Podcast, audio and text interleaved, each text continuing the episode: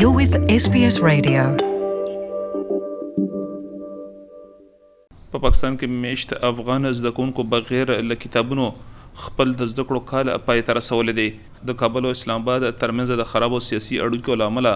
د بیلابیلو نورو ستونزو ترڅنګ د افغانستان د درسي کتابونو پر وړلو باندې هم بندیز لګول شوی دی پاکستان دریځ لري چې په افغان نصاب کې ځینې داسې لیکنې شتون لري چې د دولت پرضد باندې دي. محمد زبیر په پېښور کې د خدیبیه عالي لیسې د یولسم ټولګي زده کوونکی دی. دوی وي چې د تېرو څو کالو نه راهیسې دوی بغیر له نوو کتابونو زده کړې پای ته رسوي. دوی زیاته کړه چې په مکتبونو او لیسو کې دوی ته د درس لپاره هغه زاړه کتابونه ورکول کېږي چې حالت یې ډېر ضعیف دی او لیکل یې د لوستو جوګه نه دي. مشکلات خو د کتابونو مشکلات دي چې صرف کال په سر کې مودي صاحب مونږ ته راوړي خو چې بیا په کار شي د کال په اوږدو کې بیا نه پیدا کېږي کتاب او ټول پېښور کې او قصخاني بازار کې دی که خیبر بازار کې یو دوکان کې دی هغه هم ډېر ګران خرڅېږي او بعضې وخت وي بعضې وخت نه وي بیا به دلته سر معلم صاحب سره زوړ زاړه کتابونه شته او مونږ ته راکوي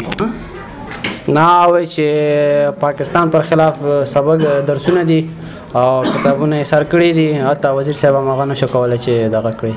مونږ ته تورخم نه تیر کی د بعضو مکتبونو او د لیسو مشرانه د افغانستان نه ډیر په مشکل سره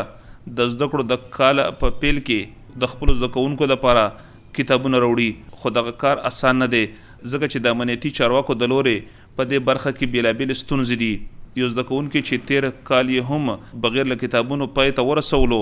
سږ کال یې هم دغه حال و. زموږ مشکلات دا دي چې کتابونه دلته نشته ده او پروس کال هم نه ول، دا سږ کال هم نشته دي بېخي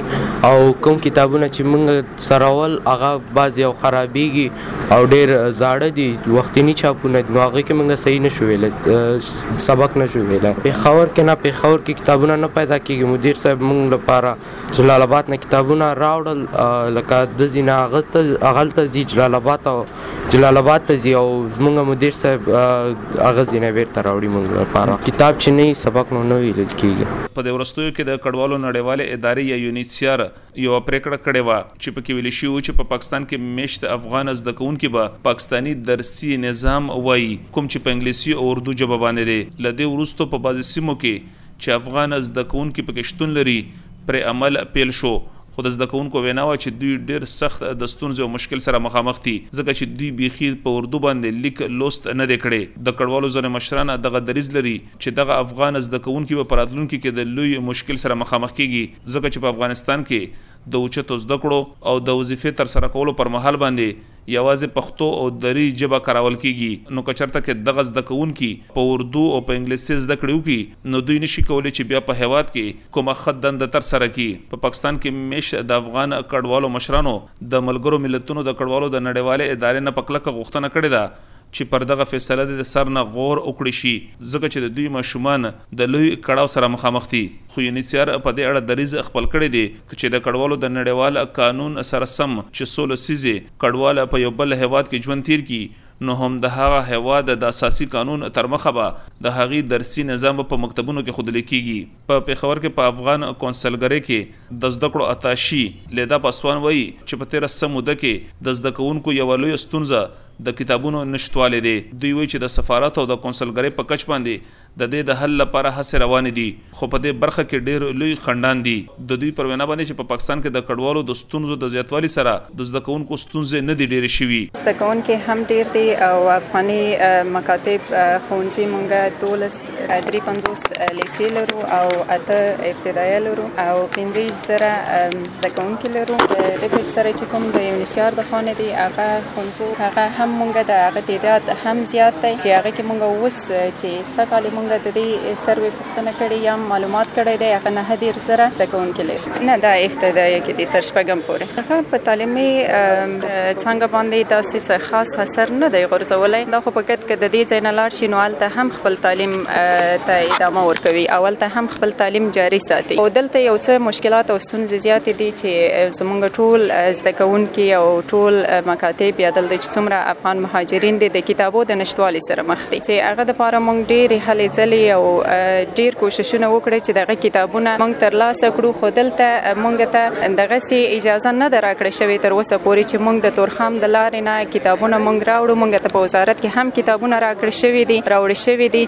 زه دې ځای ته راغلی یم د ټولو زده کوونکو د ټولو استادانو د مدیرانو زمونږ نه دغه غوښتنه ډیره زیاته ده چې د کتابونو مشکل دی او مونږ د کتابونو د نشټوالي سره مخ یو که خونځي وی چې کتاب نه وي او دا تاسو ته هغه مهمه نکته ده چې کتاب باید ارز د کوونکې په لاس کې ولري خو دلته د کتاب د نشټوالي سره مخ یو کتابونه بیخي کم دي او د کتابونو په سیم ډیر کوشش کړی په وزارت کې راکړی شوی خو یا دلته اجازه نه دراکړی شوی چې مونږ په رسمي توګه خپل کتابونه دوه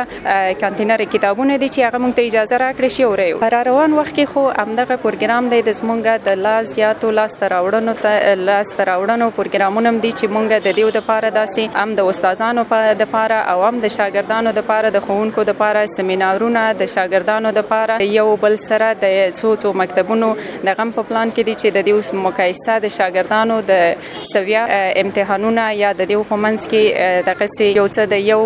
مکتب او د بل مکتب په منځ کې مطلب هغه د سویه د پاره چې شاګردان لا خپل زده کړو کې پور تشویق کړی شو او خپل زده کړو ته ادامه ورکړه دغه پلانونه دي زمونږ چې سیمینارونه ورکشاپونه د استادانو او د ښوونکو د پاره او د مکاتبو د متعلمینو د پاره کتابونه لاس ته راوړو او دغه کتابونو کوشش هم دی او هم د دیو د پاره د نور خونځیو ترمنځ هغه د مقایسې ځانونه. په دې وروستیو کلونو کې د کابل او د اسلام اباد ترمنځ د سیاسي تاوتریخوالي له امله